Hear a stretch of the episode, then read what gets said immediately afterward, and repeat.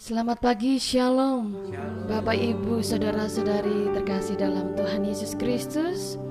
Puji Tuhan, hari ini Minggu 28 Januari 2024 kita pada akhir bulan Januari kembali lagi kita beribadah kepada Tuhan.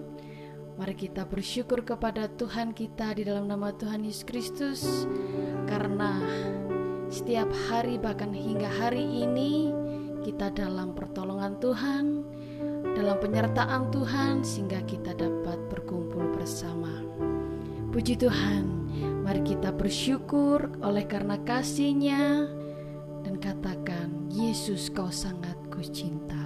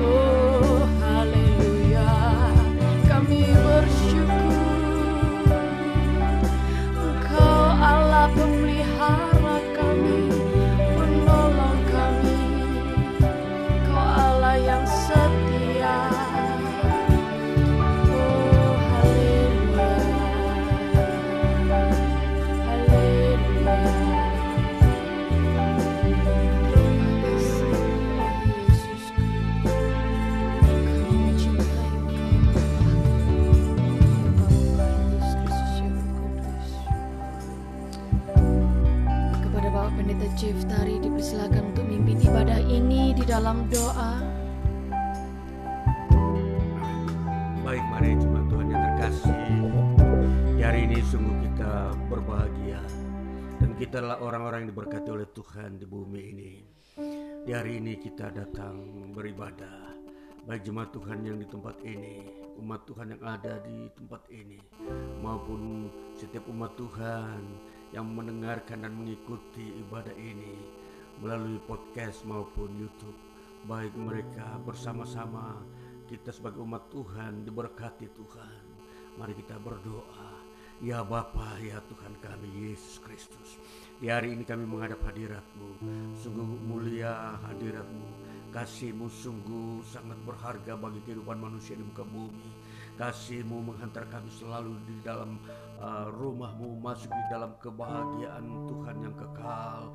Kami bersyukur kami dapat memuji namamu, bersyukur dapat menaikkan nyanyian-nyanyian iman, nyanyian pujian kemuliaan tentang namamu, tentang karyamu yang terbesar di dunia ini, di tengah umat manusia. Ini saatnya lagi kami datang.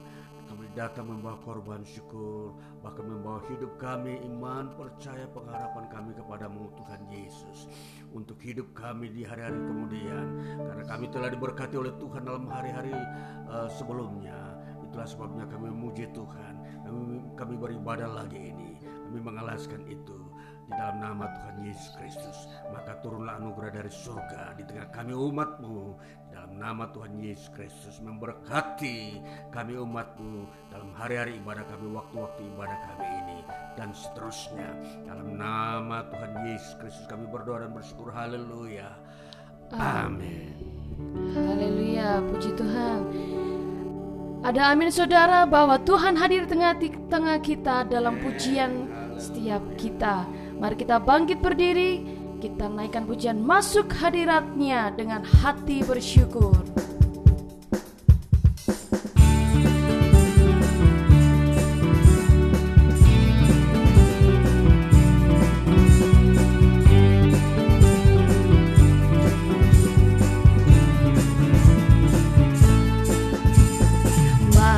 Hadiratnya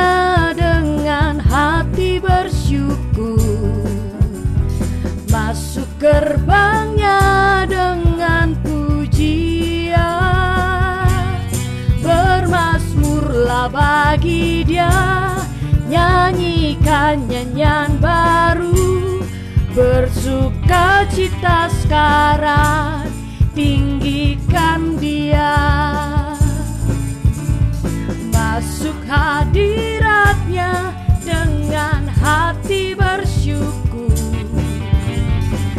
Masuk gerbangnya dengan pujian.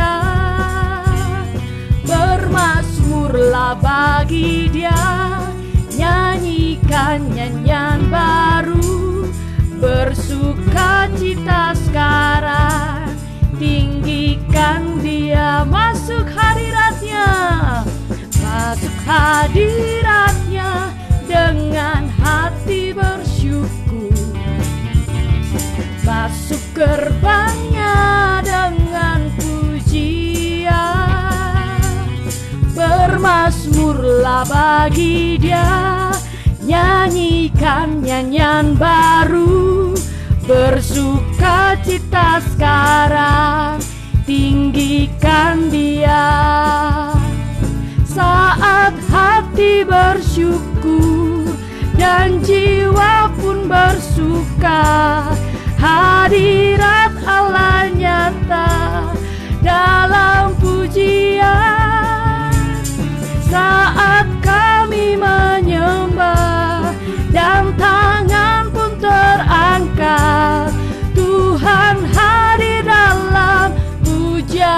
umatnya. Haleluya dengan hati bersyukur kita masuk hadiratnya. Masuk hadiratnya dengan hati bersyukur. Masuk gerbangnya dengan pujian. Bermasmurlah bagi dia. Nyanyikan nyanyian baru Bersuka cita sekarang Tinggikan dia. Saat hati bersyukur Dan jiwa pun bersuka Hadirat Allah nyata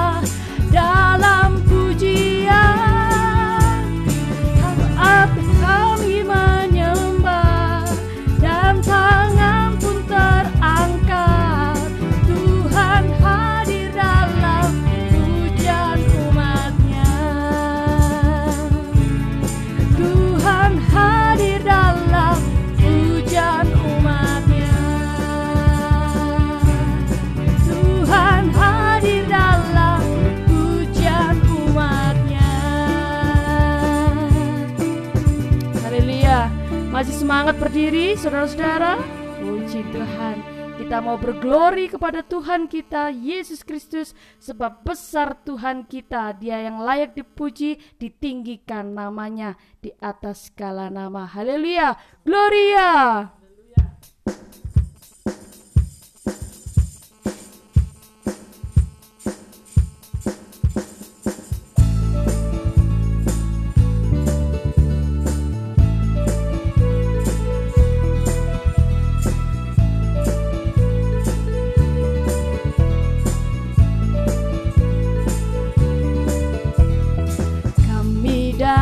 datang bawa pujian Bersama memujimu Tuhan. Satukan suara dan nyanyikan Sorak kemenangan. Kami datang Kami datang bawa pujian Bersama memujimu Tuhan. Satukan suara dan nyanyikan Sorak kemenangan Gloria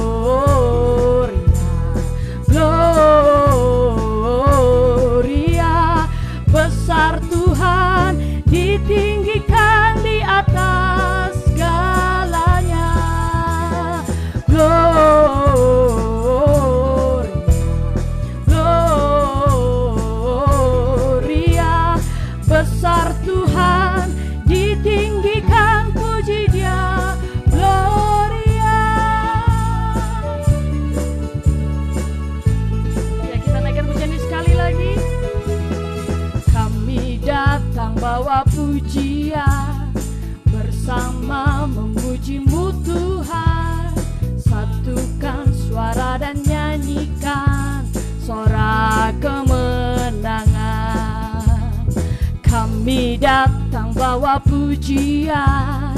Bersama memujimu Tuhan. Satukan suara dan nyanyikan Sorak kemenangan. Gloria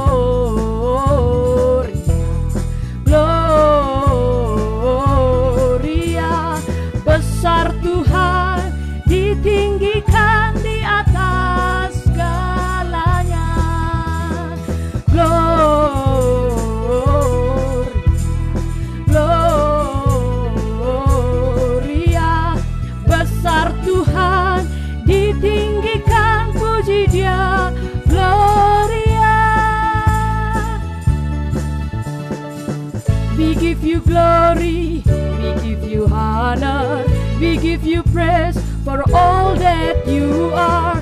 We give you glory, we give you honor, we give you praise. Gloria, we give you glory, we give you honor, we give you praise for all that you are. We give you glory, we give you honor, we give you praise.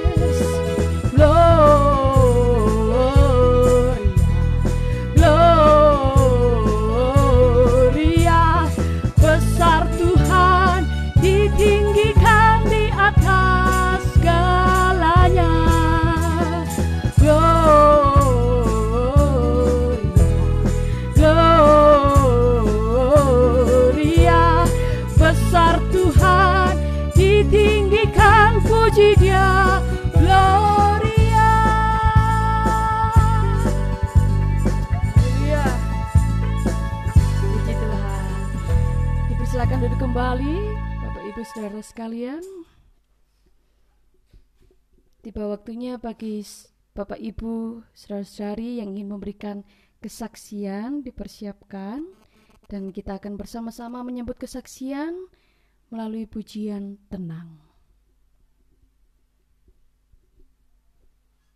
mengalir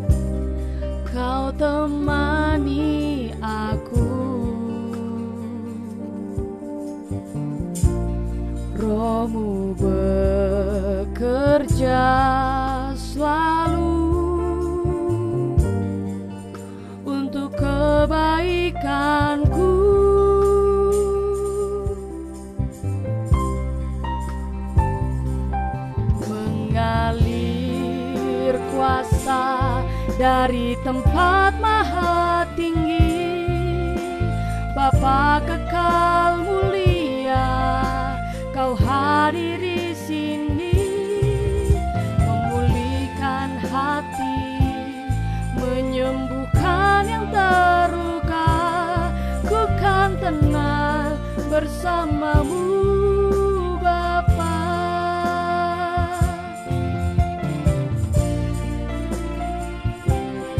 Mengalir kuasa dari tempat maha tinggi Bapa kekal mulia kau hadir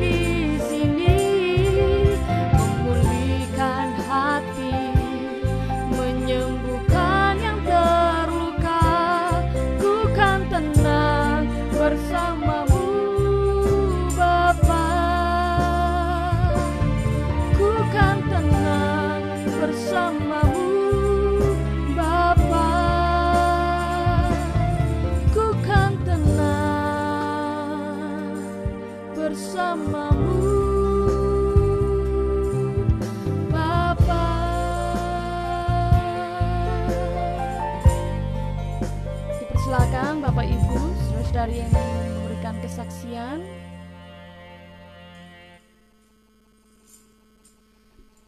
Ya puji Tuhan, Shalom saudaraku yang terkasih dalam Shalom. Tuhan Yesus Kristus. Ya, kesaksian tentunya sesuatu yang nyata bahwa hidup kita ini selalu diisi dengan pengalaman hidup ini. Pengalaman dalam damai sejahtera, pengalaman dalam kebaikan Tuhan. Ya, uh, dalam hari-hari hidup uh, kami, baik pribadi maupun keluarga, baik dalam pelayanan, bahwa di dalamnya selalu Tuhan memperlihatkan kehadirannya. Teristimewa di situ diperlihatkan damai sejahtera. Saudaraku yang terkasih, damai sejahtera sesuatu itu tidak bisa datang begitu saja tanpa ada sesuatu uh, pribadi yang pemilik damai sejahtera itu. Ya, manusia tidak bisa memberikan satu titik damai sejahtera kepada sesamanya.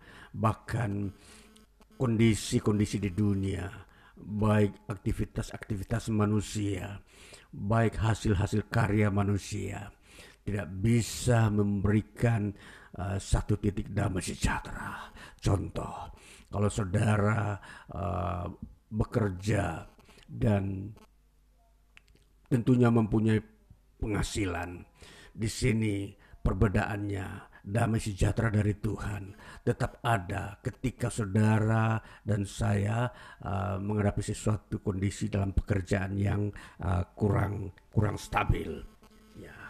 Itu salah satu uh, wujud tentang uh, damai sejahtera. Saudara, di dalam hidup maupun uh, pelayanan di sini tanpa damai sejahtera saya tidak mampu uh, me uh, meneruskan atau menjalani sebuah pelayanan yang memang uh, memikul beban-beban uh, kehidupan banyak orang. Terus mendoakan mereka yang mempunyai masalah yang yang memang mereka sendiri uh, tidak mampu memikulnya. Secara manusia kita menginginkan permasalahan itu cepat selesai. Tetapi Uh, secara fakta kenyataan permasalahan itu tidak langsung selesai secara uh, waktu yang cepat. Namun pasti terjadi perubahan jadi menunggu waktu perlahan uh, sedikit demi sedikit. Itulah pengalaman saya saudaraku yang terkasih. Hamba Tuhan di dalam mengembalakan Jumat uh, sesuatu yang harus dimiliki oleh seorang hamba Tuhan adalah ketahanan hidup, kualitas iman. Tanpa kualitas iman, maka banyak orang mengundurkan diri, banyak orang meninggalkan pelayanan, karena tentunya kita melihat bagikan seorang petani, kalau dia menggarap sawah ladangnya, kalau dia tidak mempunyai ketahanan diri bahwa hidup satu-satunya dia dari so, uh, sebagai petani, maka kalau dia meninggalkan uh, pekerjaannya sebagai petani, dia tidak akan bisa makan. Ini saudara-saudara, makanan yang dimaksudkan di sinilah Tuhan sumber hidup uh, saya sebagai seorang hamba Tuhan. Memasuki tahun-tahun yang telah tiba, tahun berganti tahun. Tentunya di sini saya bisa tetap melayani Tuhan bukan karena sebuah cita-cita saya, bukan karena uh, pribadi saya yang yang uh, memiliki hal khusus di dalamnya. Tidak saudara, ini semua karena panggilan anugerah Tuhan ada di dalam diri saya. Ada damai sejahtera yang Tuhan berikan melampaui akal manusia. Sehingga saya bisa terus melayani, mengerjakan pekerjaan-pekerjaan uh, pelayanan penginjilan mendoakan uh, jemaat dan orang-orang lain yang sedang bermasalah, yang sedang mempunyai penyakit, yang sedang mempunyai pergumulan keluarga, anak dan masa depan, cita-cita dan semua kehidupan di dunia ini. Kondisi-kondisi dunia yang semakin pelik di mana terjadi juga perang itu pun pokok doa seorang hamba Tuhan dan itulah sebabnya uh, profesi hamba Tuhan Saudara-saudaraku yang terkasih, kalau bukan anugerah Tuhan, maka dia akan meninggalkan profesi ini. Itulah sebabnya Tuhan tahu peduli apakah apakah itu eh, apakah uh, makna daripada profesi hamba Tuhan saudara-saudara. Ini bukan sebuah uh, panggilan diri atau panggilan orang lain tapi panggilan Tuhan dalam diri seorang hamba Tuhan.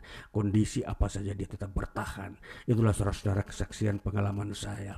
Saya tetap melayani pekerjaan Tuhan, mendoakan, mengembalakan, membimbing satu persatu setiap orang yang yang yang yang sedang uh, mengalami uh, uh, pelik dalam hidup ini, kesukaran-kesukaran dalam keluarga, rumah tangga, dalam pekerjaan, dalam bisnis.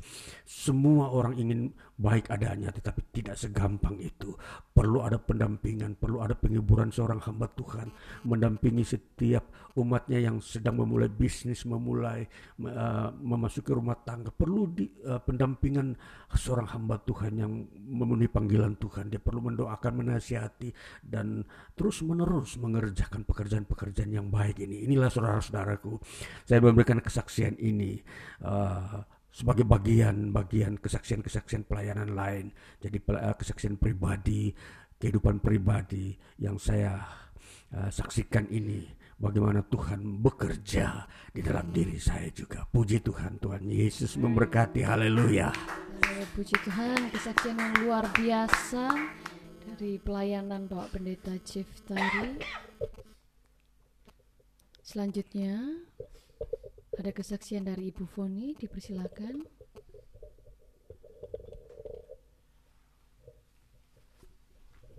Ya, Shalom, saudara-saudara yang terkasih dalam Tuhan kita Yesus Kristus. Sungguh uh, berbahagia saya dapat beribadah bersama saudara-saudara di tempat ini. Dan ini adalah satu kemurahan yang Tuhan berikan dalam setiap ke kehidupan saya secara pribadi.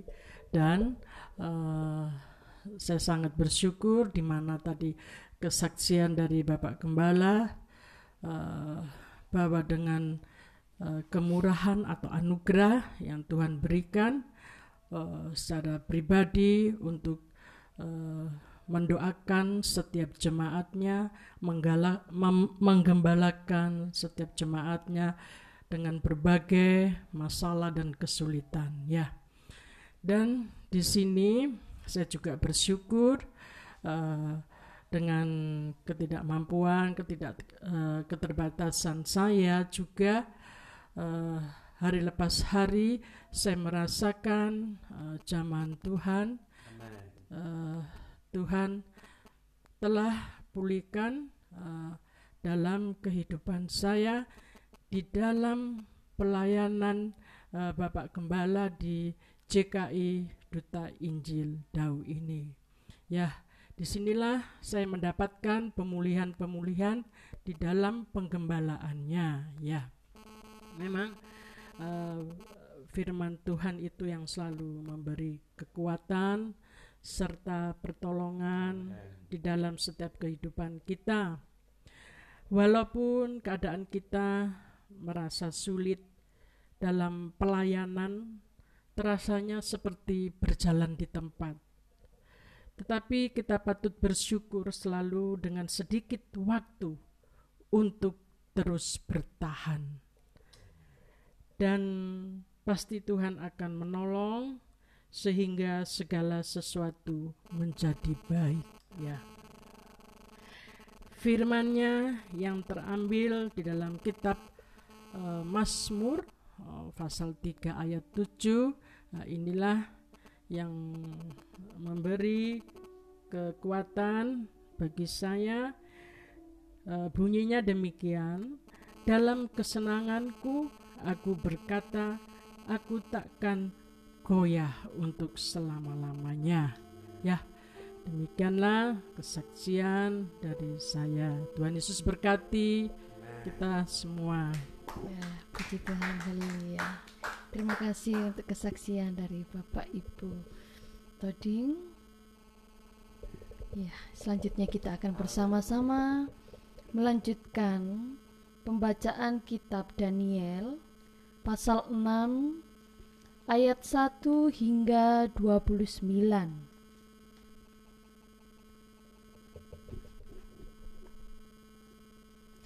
Yang sudah dapat katakan puji Tuhan. Puji Tuhan.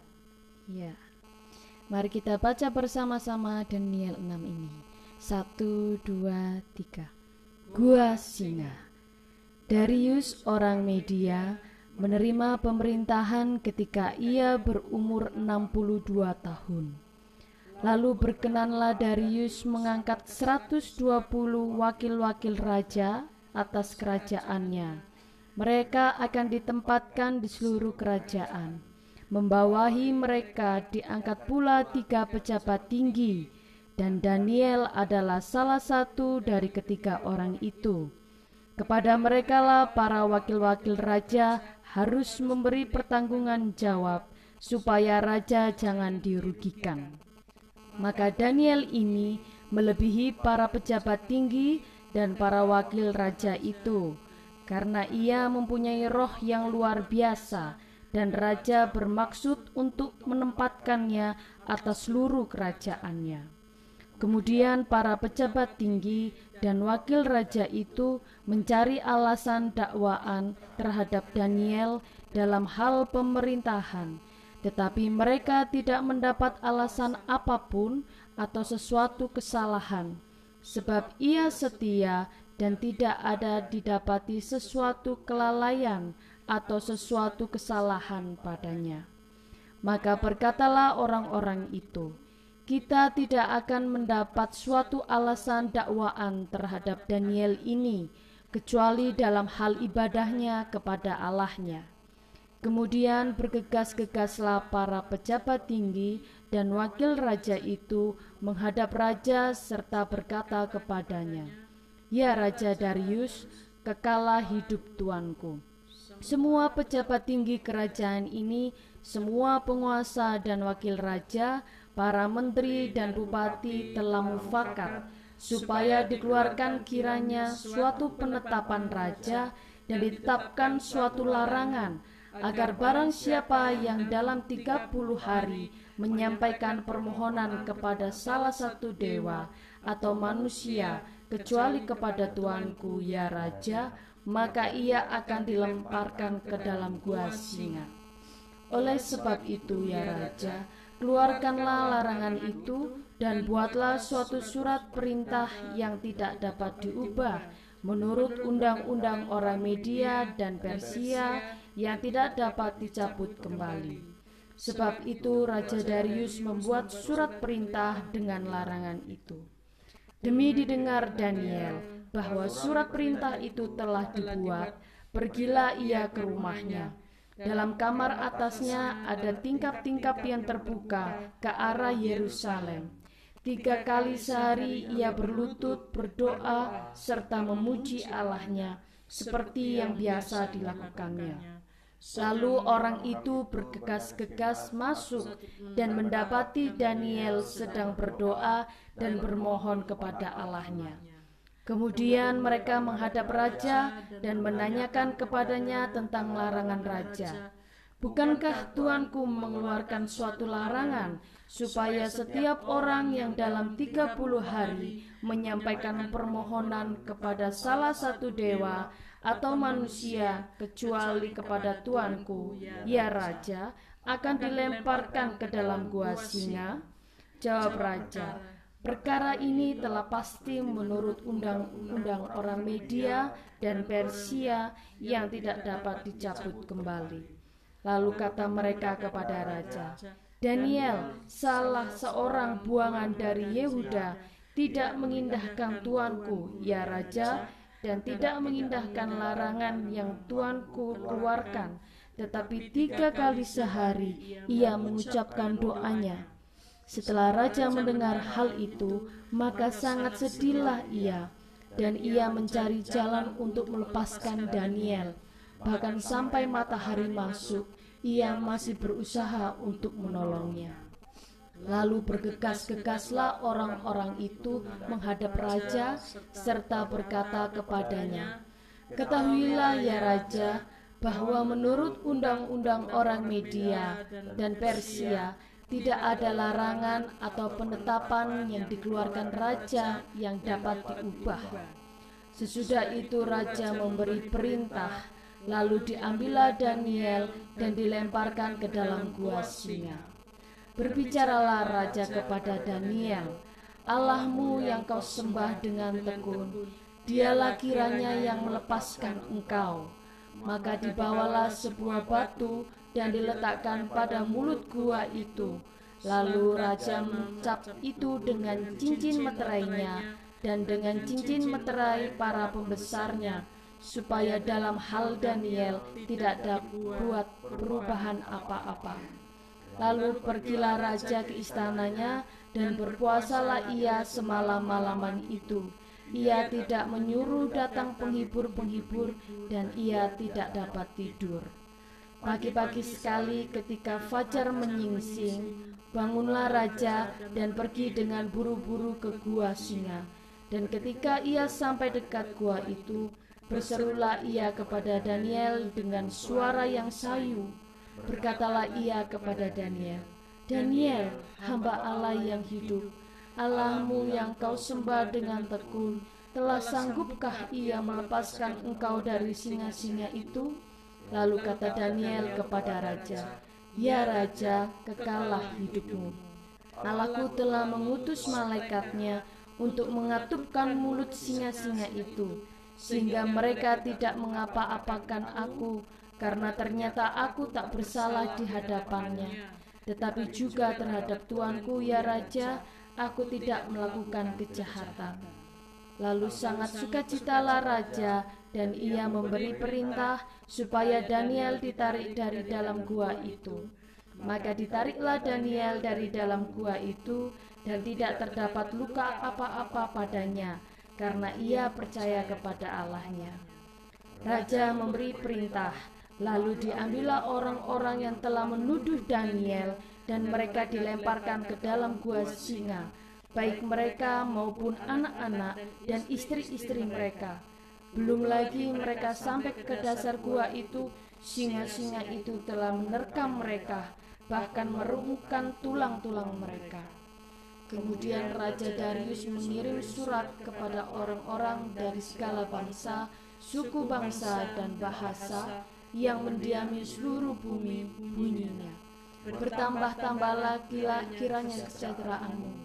Bersama ini kuberikan perintah bahwa di seluruh kerajaan yang kukuasai orang harus takut dan gentar kepada Allahnya Daniel sebab dialah Allah yang hidup yang kekal untuk selama-lamanya pemerintahannya tidak akan binasa dan kekuasaannya tidak akan berakhir dia melepaskan dan menolong dan mengadakan tanda dan mujizat di langit dan di bumi.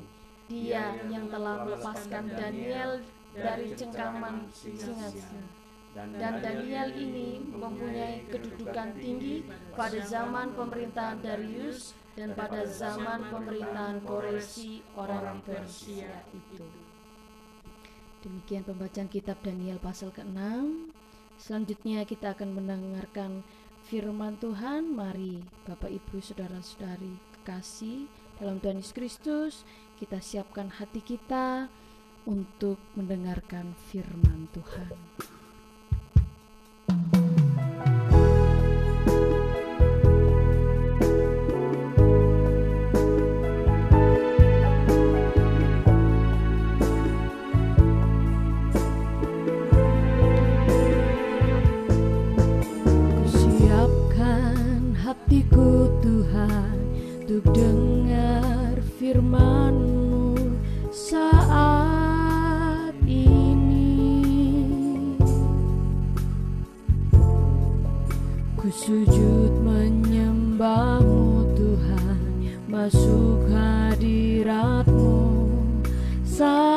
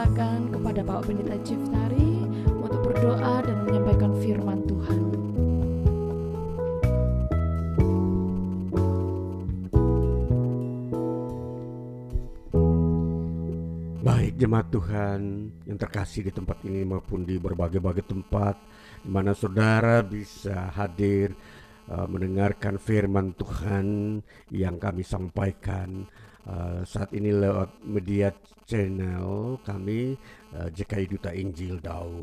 Baiklah mari kita masuk di dalam doa kita. Bapa kami di surga kami bersyukur lagi kepadamu ya Tuhan di mana waktu-waktu kami ini begitu indah. Engkau telah menyiapkan waktu yang terbaik di mana kami duduk di hadiratmu di bawah kakimu mendengarkan firmanmu.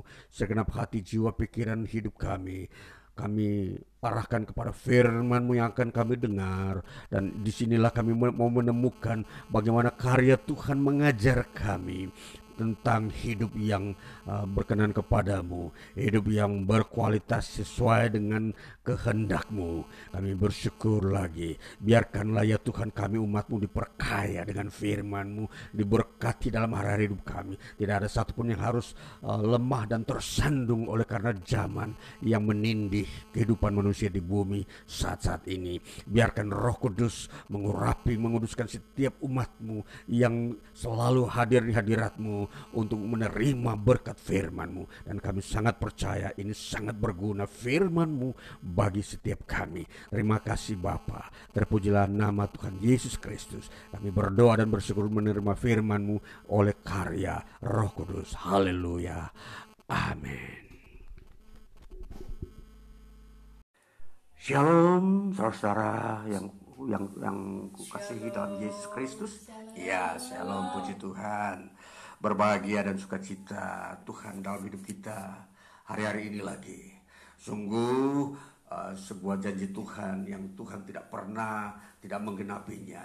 Ialah memberikan sukacita dan damai sejahtera bagi setiap orang yaitu umatnya di muka bumi yang saat-saat ini hadir di hadirat Tuhan.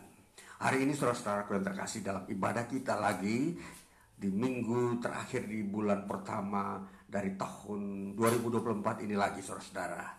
Kita akan membaca dari kitab 2 Tesalonika pasal yang kedua ayat 13 hingga 17 bunyinya demikian. Dipilih untuk diselamatkan. Akan tetapi kami harus harus selalu mengucap syukur kepada Allah karena kamu saudara-saudara yang dikasihi Tuhan Sebab Allah dari mulanya telah memilih kamu untuk diselamatkan dalam roh yang menguduskan kamu dan dalam kebenaran yang kamu percayai. Untuk itulah ia telah memanggil kamu oleh Injil yang kami beritakan sehingga kamu boleh memperoleh kemuliaan Yesus Kristus Tuhan kita. Sebab itu, berdirilah teguh dan berpeganglah pada ajaran-ajaran yang kamu terima dari kami, baik secara lisan maupun secara tertulis. Dan ia Tuhan kita Yesus Kristus dan Allah Bapa kita yang dalam kasih karunia-Nya telah mengasihi kita dan yang telah menganugerahkan penghiburan abadi dan pengharapan baik kepada kita. Kiranya menghibur dan menguatkan hatimu dalam pekerjaan dan perkataan yang baik. Ya, demikian uh, jauh bagian firman Tuhan bagi kita saudaraku. Uh, kali ini uh, kita sebagai umat Tuhan di era ini saudara-saudara, memang kita sedang menanti-nantikan sesuatu uh, uh, pengetahuan atau pegangan hidup kita untuk kita tetap kuat di era ini. Firman Tuhan di hari ini yang saya sampaikan di tengah-tengah uh, ibadah kita, mana kita perlu mendengar bersama-sama untuk meneguhkan hidup kita lagi, iman kita di dunia ini.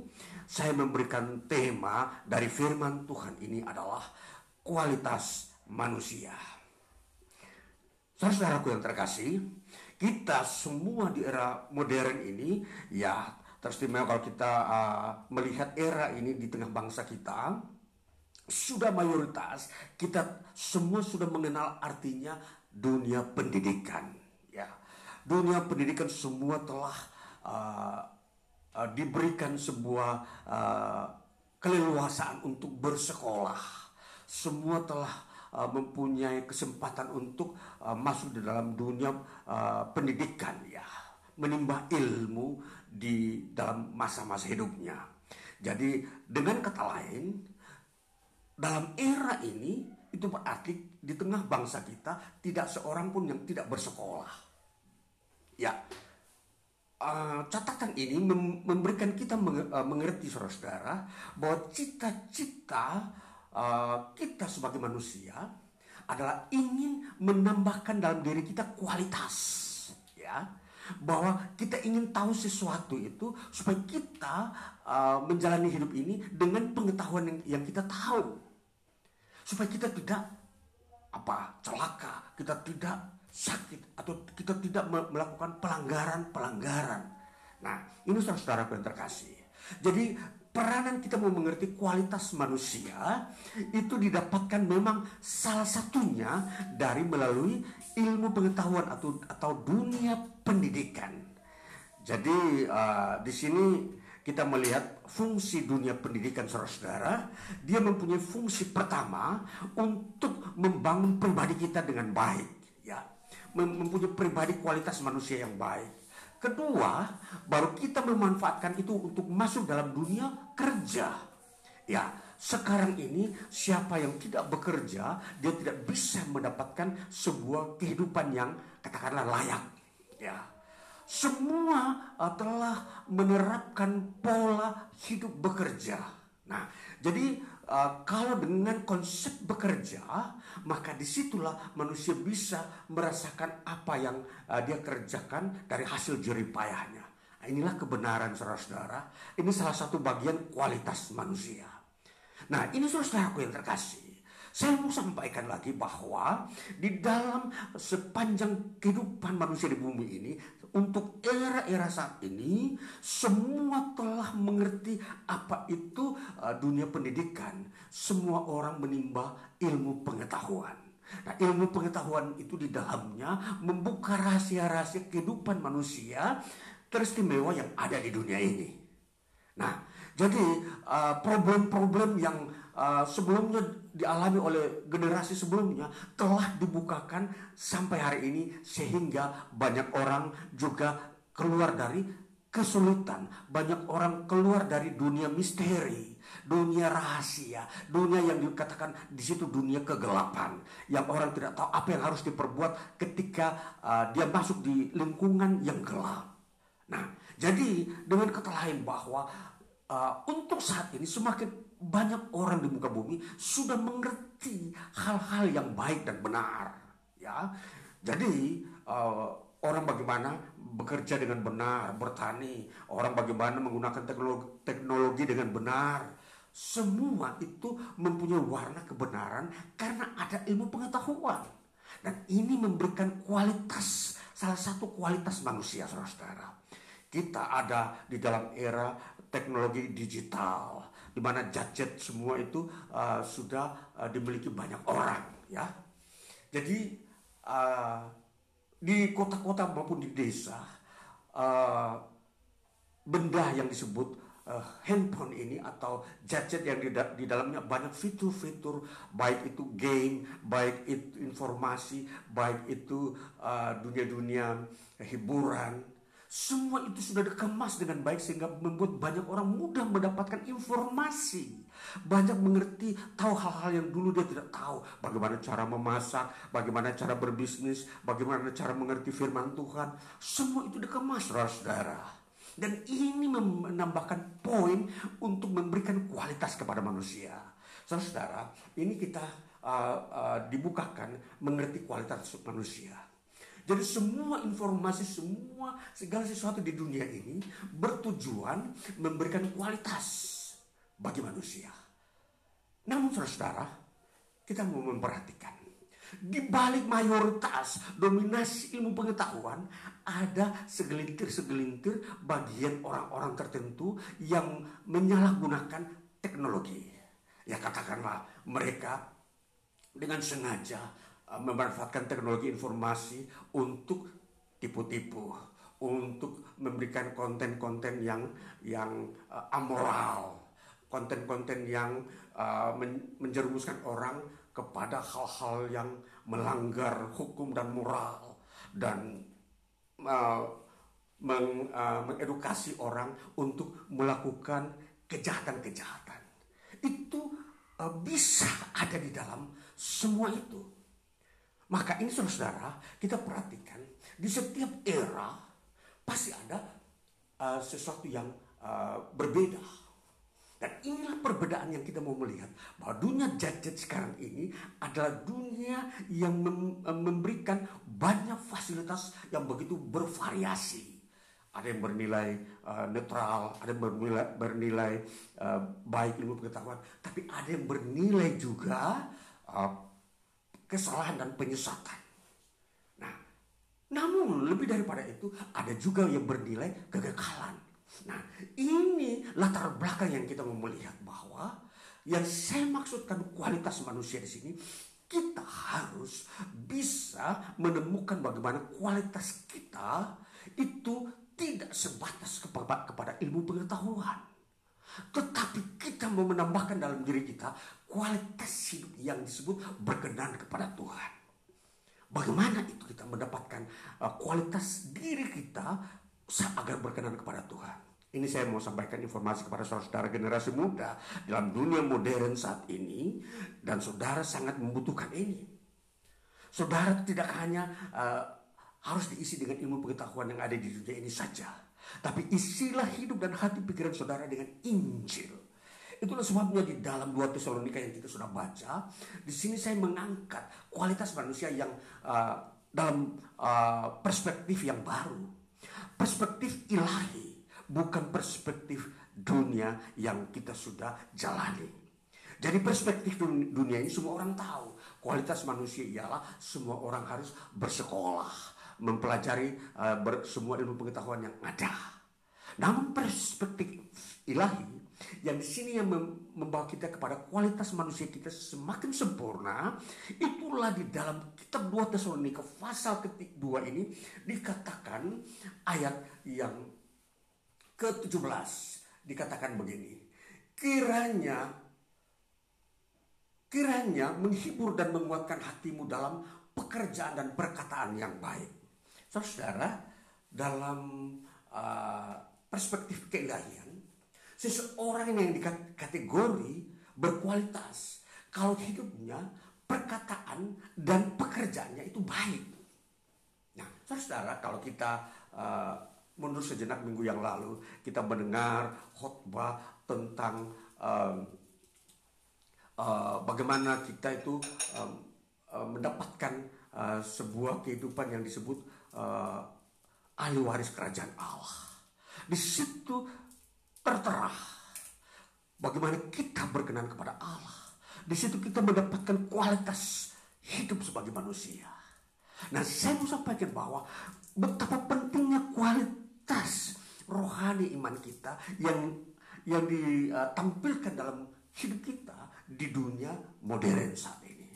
Saudara jangan meremehkan kualitas kerohanian. Kalau kerohanian uh, saudara uh, nomor dua kan, sekalipun saudara memiliki pendidikan yang baik dalam dunia sekuler, akan membawa sebuah dampak uh, mental dan moral yang uh, buruk di tengah dunia modern ini. Karena dunia modern ini dia ber, berdiri seolah di atas sebuah uh, fondasi yang terbuat dari pasir. Kalau Tuhan Yesus pernah memberikan perumpamaan, kalau kamu bangun rumah, jangan di atas pasir. Karena kalau banjir datang, dia akan dibawa hanyut. Ilmu pengetahuan bagaikan pasir saudara-saudara. Kalau batu karang, itulah Injil iman kepada Yesus Kristus. Jadi kalau saudara sudah menerima pendidikan sekuler, tambahkan dalam diri saudara bagaimana saudara memiliki kualitas hidup sebagai manusia rohani. Makanya dikatakan kamu akan mendapatkan uh, bagaimana memiliki perkataan dan pekerjaan yang baik. Nah, kalau kita memperhatikan dalam Injil ini, maka kita memperhatikan bahwa di dalam uh, bagian ayat ini dikatakan hal-hal perkataan yang baik itu itu dikatakan ergo kai logo agapo. Ergo itu pekerjaan. Logo itu perkataan. Agapo itu agapo itu baik. Jadi kamu akan mendapatkan ergo kai itu dan logo itu perkataan agapo itu baik. Dengan kita datang kepada Yesus Kristus, maka kita mendapatkan dua hal dalam hidup diri kita. Kita memiliki ergo, itu pekerjaan, dan logo, perkataan. Saudara, dunia informasi saat ini sering kali manusia terjebak untuk mendapatkan sesuatu yang dia inginkan melalui perkataan yang katakanlah sering kali disalahgunakan. Itu sering kali tipu-tipu namanya. Itu perkataan tidak baik. Dan juga ada pekerjaan yang juga tidak baik. Itu pekerjaan yang di dalamnya merugikan orang lain. Nah itu dikatakan itu tidak berkualitas. Jadi saudara-saudara, jadi dunia saat ini kita harus membuka mata kita bahwa tidak selamanya semua orang di dunia ini menggunakan prinsip-prinsip yang baik. Walaupun dia telah menyelesaikan sebuah dunia pendidikan yang baik. Ini semua dari motivasi bagaimana seseorang menjalani kehidupannya. Kalau motivasinya dia ingin cepat kaya, contoh ini sering kali ini menjadi uh, suara suara yang begitu mendengung di telinga kita. Ada orang ingin menjadi seorang yang cepat kaya. Ini menarik saudara-saudara. Memberikan daya tarik bagi setiap orang di dunia ini. Bagaimana sih caranya supaya saya ini uh, cepat kaya?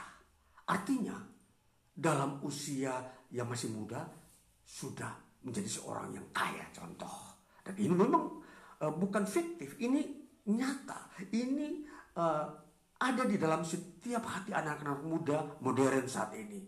Kita memperhatikan ada istilah uh, bonus demografi. Bonus demografi artinya anak-anak usia 16 tahun sampai 64 tahun itu sudah bisa memiliki penghasilan yang uh, begitu uh, drastis, bisa menjadi seorang cepat kaya lewat media-media konten, mengisi konten di uh, berbagai-bagai uh, aplikasi, ya, membuat aplikasi. Anak 16 tahun sudah bisa dapat atau uh, menjadikan dirinya seorang yang sukses. Ini yang disebut teori uh, uh, demografi ya, uh, kekayaan demografi. Jadi uh, di era saat ini uh, teori tentang uh, demografi ini semakin diangkat. Artinya teori tentang bagaimana manusia uh, sukses di dalam era hidupnya. Jadi kalau kita memperhatikan teori ini, kalau dikatakan tahun 2000 uh, tahun 2030 Indonesia masuk di dalam uh, kekayaan demografi ini. Indonesia Ya, jadi Indonesia sedang berusaha masuk ketika tahun 2030 muncul anak-anak yang berusia 16 tahun uh, hingga uh, orang-orang yang berusia 64 tahun sudah bisa menikmati kemakmuran. Kenapa? Ini dia saudara-saudara. Karena kemampuan teknologi bisa membuat orang uh, sukses dalam ekonomi. Tetapi kita melihat lagi saudara-saudara, konten yang dibuat nanti itu bervariasi. Bisa menyangkut hoax, bisa menyangkut benar. Permasalahannya di situ. Jadi kita melihat kualitas manusia di sini. Siapa yang tahan uji, dia tetap ada di dalam kebenaran. Siapa yang tidak tahan uji, dia memproduksi konten-konten hoax. Maka saudara, lewat media ini kami membuat konten ini juga. Di dalamnya kami menyampaikan kebenaran. Isinya adalah menyangkut Injil dan menyangkut bagaimana membangun kualitas manusia. Saudara jadi kita lihat di sini peranan Tuhan di dalam menghasilkan manusia yang berkualitas ini. Manusia tidak bisa mendapatkan sesuatu yang baik baik perkataan maupun pekerjaan yang baik secara alami itu ada campur tangan Tuhan Siapakah orang-orang yang bisa mendapatkan itu? Mereka yang selalu bersekutu dengan Yesus Kristus dan Injilnya. Ini saudara-saudara. Jadi di sini dunia persaingan bagaimana orang mendapat kekayaan begitu mudah di tahun 2030. Ini uh, kita uh, harus tahu tahun 2030 ini tahun emas khusus bagi Indonesia. Bagi bangsa-bangsa lain ingin uh, apa namanya mau mengikuti, mengikutinya, namun uh, masing-masing uh, negara mau memperebutkan momentum ini. Jadi memperebutkan ini dengan cara bagaimana? Mempersiapkan SDM. Mereka semua harus sekolah-sekolah dan pendidikan-pendidikan uh, teknologi, teknologi dan kekayaan alam saling menunjang. Nah ini saudara-saudara. Jadi uh, kekayaan demografi ini ini yang sedang dibicarakan hari-hari ini. Semua uh, bangsa-bangsa sedang menyoroti Indonesia. Karena saudara tahu, enam tahun lagi uh, uh, momentum ini muncul di tengah-tengah saudara-saudara. Saya sampaikan mulai hari ini untuk mempersiapkan saudara-saudara mau mengerti masuk di dalam era uh, kekayaan demografi ini. Persiapkan ketahanan diri saudara tentang kualitas saudara, iman saudara teristimewa generasi muda. Jadi, kalau saudara tidak mempunyai ketahanan iman, saudara akan melenceng masuk ke dalam dunia hoax. Mendapat keuntungan dari dunia tipu-tipu. Ini sebuah kesalahan besar dan akan menjadi jerat jebakan iblis bagi orang-orang yang tidak mengerti. Jangan untuk mengejar cepat kaya, tetapi menyalahgunakan menggunakan konten-konten yang salah, yang tidak benar yang diisinya itu hanya uh, berita-berita uh, penyesatan. Bagaimana, bagaimana uh, hidup manusia tidak dibangun moralnya, tetapi uh, menjurus kepada bagaimana melakukan sebuah kesalahan dan kejahatan-kejahatan. Ini saudara-saudara, kita belajar bagaimana firman Tuhan itu ada di tengah-tengah dunia, di dalam hidup kita. Itu pertanda Tuhan juga ada. Tuhan menyoroti dari surga siapa yang memperhatikan firmannya. Siapa yang mengerti, menuruti ajaran-ajaran Tuhan? Nah ini saudara-saudaraku yang terkasih. Di sini kita mau memperhatikan bagaimana kita mendapatkan disebut pekerjaan dan perkataan yang baik. Dari mana, dari mana kita memulainya saudara-saudara? kita kita baca dulu. Kita baca di dalam ayatnya yang ayatnya yang ke uh, eh, 13 dikatakan begini. Akan tetapi kami harus selalu mengucap syukur kepada Allah karena kamu saudara-saudara yang dikasihi dikasihi Tuhan. Sebab Allah dari mulanya telah memilih kamu untuk diselamatkan dalam roh yang menguduskan kamu dan dalam kebenaran yang kamu percayai. Dari semula Allah telah memilih kamu karena apa? Kamu mempercayai Injil, kamu mempercayai Yesus sebagai Tuhan dan Juru Selamat pribadimu. Ini kuncinya untuk saudara menjadi manusia kualitas di tengah-tengah uh, dunia yang uh, hetero, heterogenitas. Dunia yang berbeda-beda, dunia yang bercampur baur, di mana yang baik dengan jahat bercampur jadi satu di dalam sebuah media yang disebut jet-jet ini. Saudara, perhatikan heterogenitas itu ada orang kalau tidak mempunyai uh, uh, sebuah uh, pengenalan diri terhadap Injil, dia tidak bisa membedakan mana kebenaran dan mana yang hoax. Semua dijadikan satu. Makanya pengenalan diri kita terhadap Injil itu sudah harus saudara lakukan, saudara harus sudah miliki. Karena ketika saudara masuk dalam lingkungan heterogenitas ini, Saudara sudah bisa membedakan, oh ini hoax, ini benar. Oh ini tipu-tipu, ini sungguh-sungguh memuliakan Tuhan. Itu yang harus saudara perhatikan. Jadi dikatakan dasarnya karena kamu telah menerima Injil sejak semula di dalam Yesus Kristus. Kemudian dikatakan di situ, ah, untuk itulah ayat 14 untuk itulah ia telah memanggil kamu oleh Injil yang kami beritakan sehingga kamu boleh memperoleh kemuliaan Yesus Kristus Tuhan kita. Dari Injil yang kamu dengar, kamu mendapatkan kemuliaan dari Tuhan Yesus Kristus. Itu apa? Yaitu kualitas perkenanan, kualitas hidup. Saudara yang telah menerima pengetahuan kebenaran di dalam Yesus Kristus. Injil itu jadi saudara akan uh, melakukan sesuatu yang Tuhan kehendaki. Dan saudara tidak akan mungkin melakukan sesuatu yang tidak Tuhan kehendaki. Inilah ketahanan diri.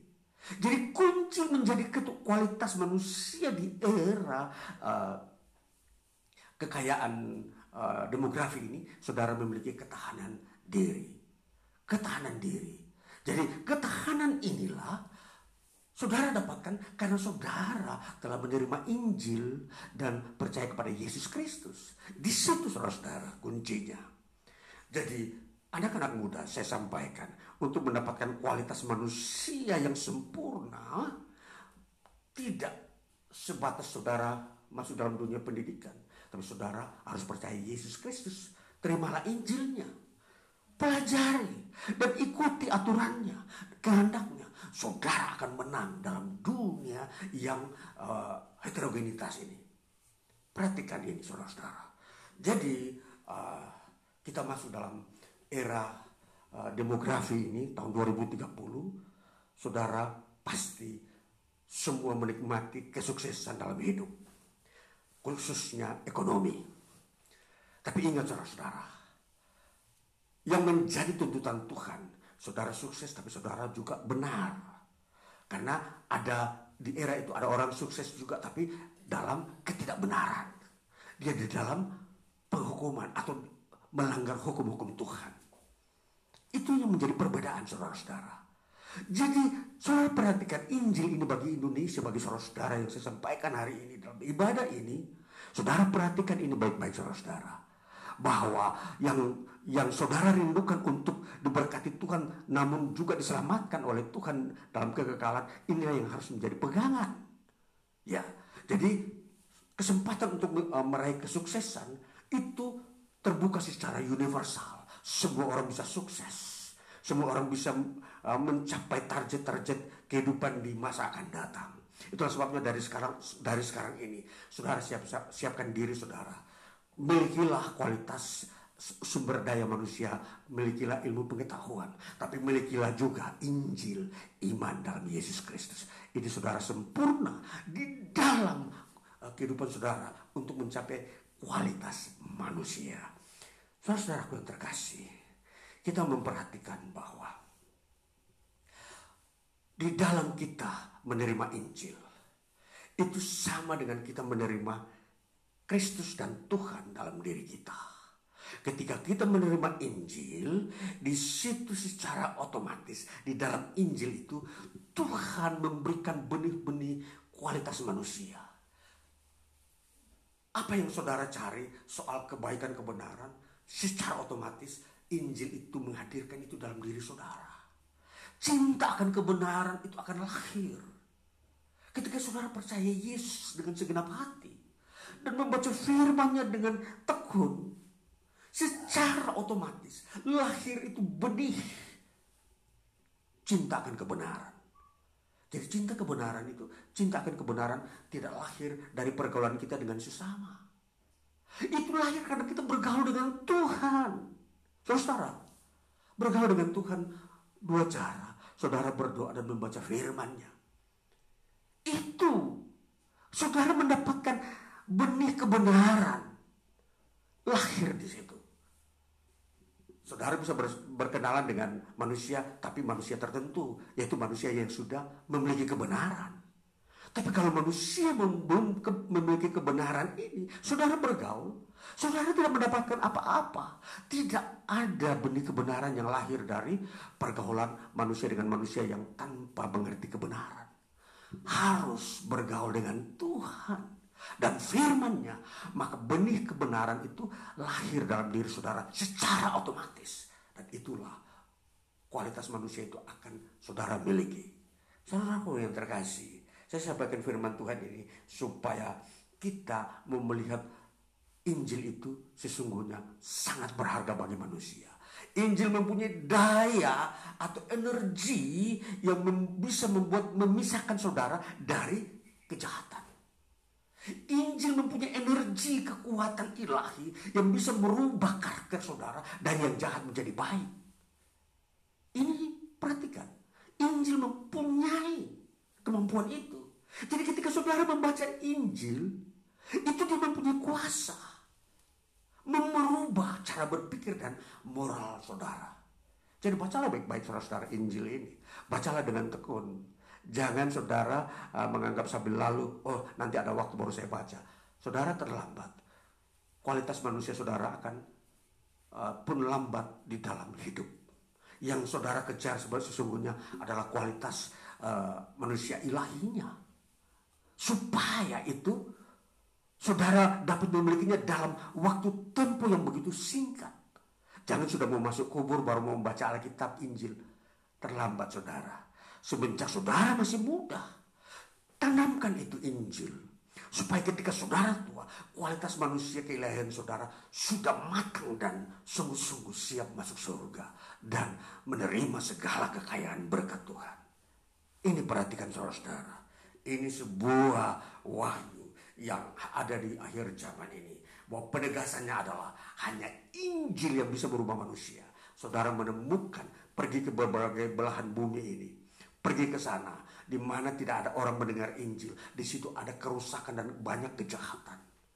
Di mana ada orang uh, memelihara Injil, saudara pergi ke sana, di sana banyak damai sejahtera. Di sana ada berkat Tuhan, di sana ada keselamatan Tuhan. Itu saudara-saudara. Ini heterogenitas ini. Di dunia ini kalau kita pergi boleh ke mana saja. Tetapi kita harus perhatikan di mana saudara masuk di suatu wilayah, di situ sedang mereka semua tekun mendengar Injil dan melakukan Injil Tuhan dalam hidup mereka. Mereka diberkati, mereka berbahagia, damai sejahtera Tuhan ada dalam hidup mereka. Ini saudara, ini kualitas yang kita harus benar-benar perhatikan. Jadi Injil adalah sumber kualitas. Tuhan dan firman-Nya yang disebut Injil ini, ini adalah sumber kualitas hidup manusia di era-era ini dan era akan datang. Dan saudara-saudara, kita uh, akan menjadi uh, yakin karena ketika kita telah memiliki Injil, kita mempunyai pendirian yang kuat. Kita sudah tidak bisa mencari tempat yang lain untuk mendapatkan kehidupan yang berbahagia. Hanya datang kepada Tuhan dan mendengar membaca firman-Nya, Injilnya. Jadi kesimpulan saudara-saudara, untuk menjadi kualitas manusia ini, itu tidak tidak bisa di tempat lain. Itu hanya dalam Yesus Kristus. Kedua, di dalam kita mendapatkan manusia yang berkualitas, kita bersekutu dengan Tuhan dan firman-Nya. Dan itu melahirkan ketahanan diri di dalam kita. Ini saudara-saudara, dua pokok uh, penting bagi kita untuk melihat bagaimana kualitas manusia itu sendiri di dalam diri kita. Kita akan hadir di tengah-tengah dunia ini dengan penuh damai sejahtera. Kita disertai Tuhan siang dan malam. Dan kita hidup tidak sendiri di dalam perjalanan hidup kita. Itu kualitas yang sesungguhnya. Bukan yang lain. Yang lain itu bagaikan uh, rumah yang dibangun di atas pasir ketika ada bencana datang. Rumah itu hanyut. Kehidupan mereka juga hanyut karena tidak kekal. Jadi kualitas manusia yang kita harus perhatikan di sini bahwa kita supaya ingin rindu kekal. Kita ingin bahwa hidup kita itu berkualitas itu bersifat kekal bukan sementara waktu. Bukan hanya 20 tahun kita menikmati, bukan hanya 30 tahun selama, selama kita bekerja sebagai seorang yang produktif. Tapi harus sampai usia terakhir usia hidupmu engkau merasakan kualitas hidup itu tidak kecewa, tidak bingung, tidak bimbang. Engkau tetap damai. Itulah di dalam Yesus Kristus. Ini yang dimaksudkan kualitas hidup yang bersifat kekal. Terimalah Injil, terimalah Yesus Kristus. Engkau akan mendapatkan kualitas yang kekal ini saudara-saudara. Jadi hari ini kesimpulan penyampaian firman Tuhan ini kita tiba kepada kesimpulannya bahwa terimalah Yesus dan firmannya saudara mendapatkan kualitas hidup saudara di masa hidup saudara di bumi ini. Tuhan Yesus memberkati. Haleluya. Baik, saudara-saudaraku yang terkasih, kita masuk lagi di dalam doa syafaat kita. Mari kita berdoa. Bapa kami bersyukur lagi kepadamu Tuhan yang memiliki firman yang masih berfirman me mengajarkan umatmu mendampingi umatmu dengan firmanmu supaya mereka mengerti zaman.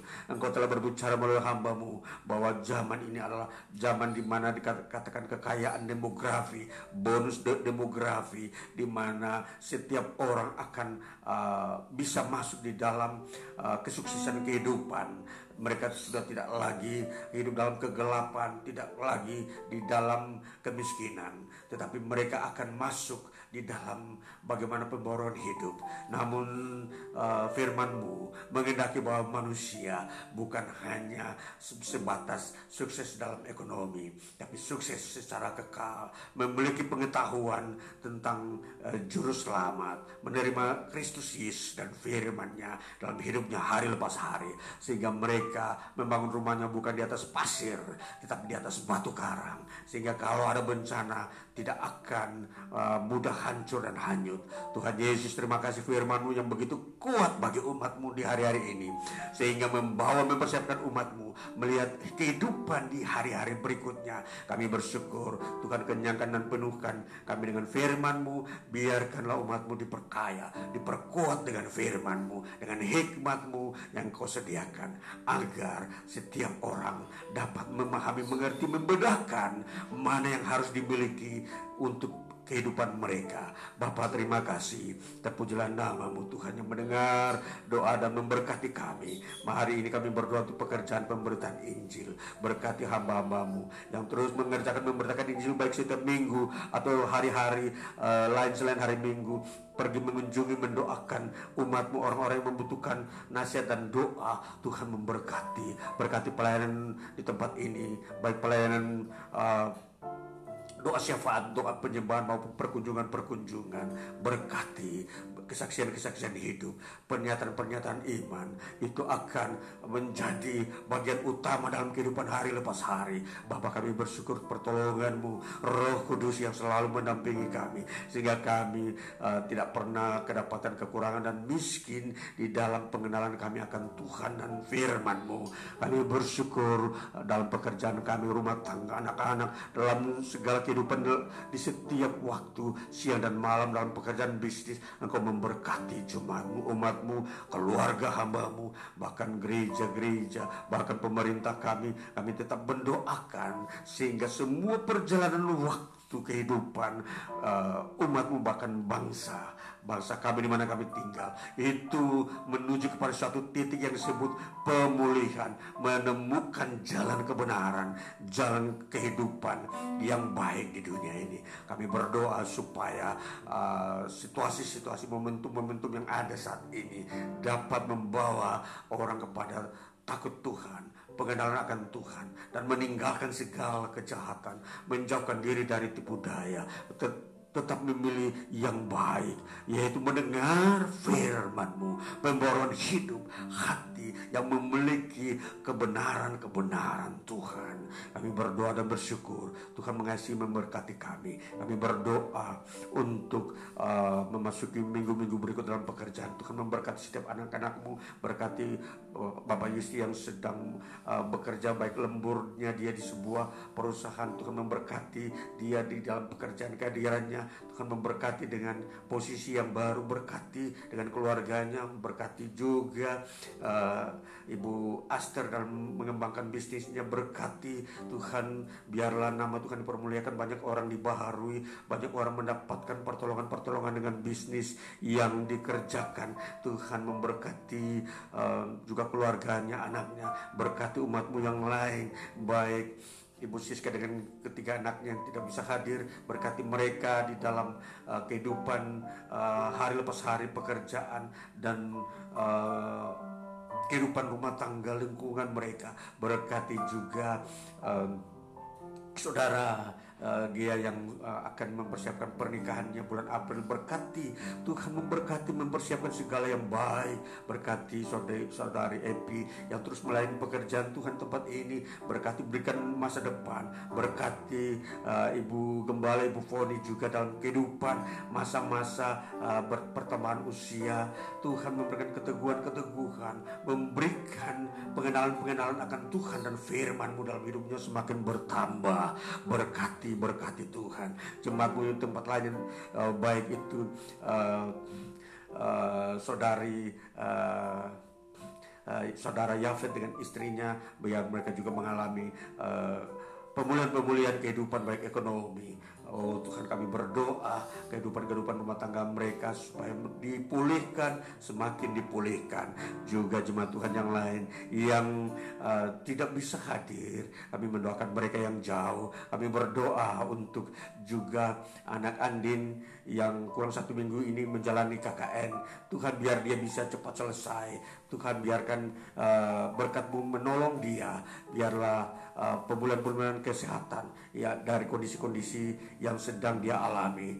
Tuhan Yesus jamah dan biarkan dia juga sembuh dari uh, kondisi-kondisi fisik yang saat ini sedang uh, dia rasakan sembuhkan dia. Kami berdoa juga untuk anak Ika uh, yang sedang konsultasi untuk merevisi skripsinya.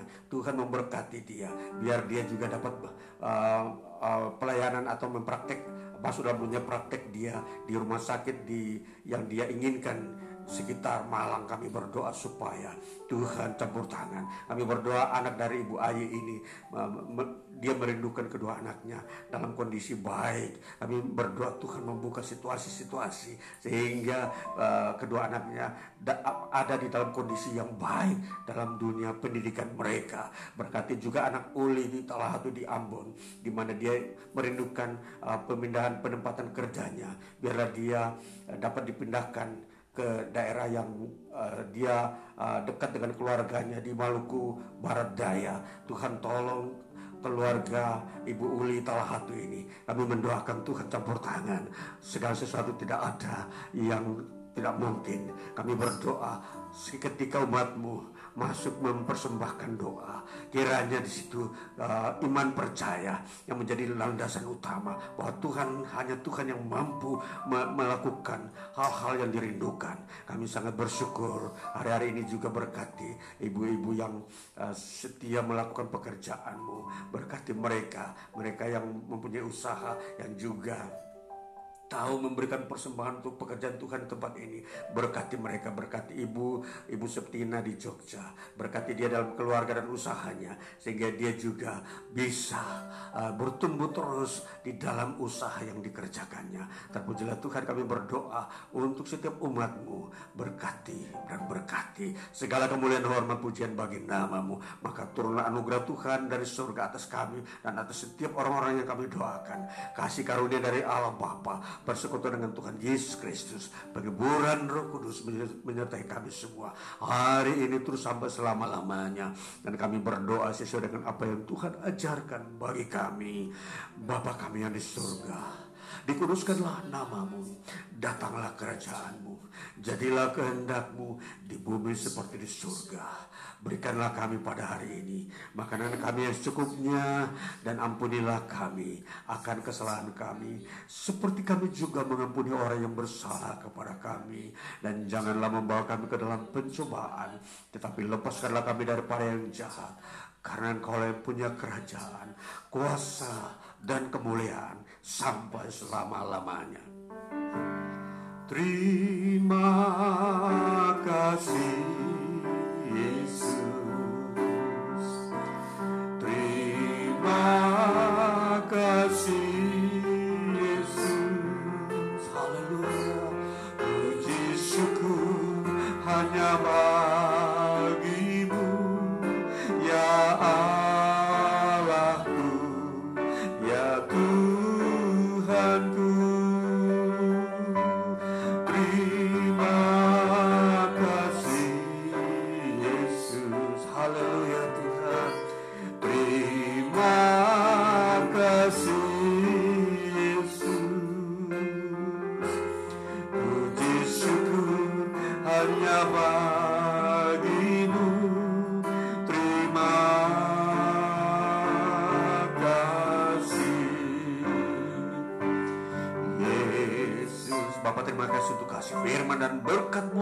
kami umatmu di hari ini. Di dalam nama Tuhan Yesus Kristus kami berdoa. Haleluya. Amin. Puji Tuhan.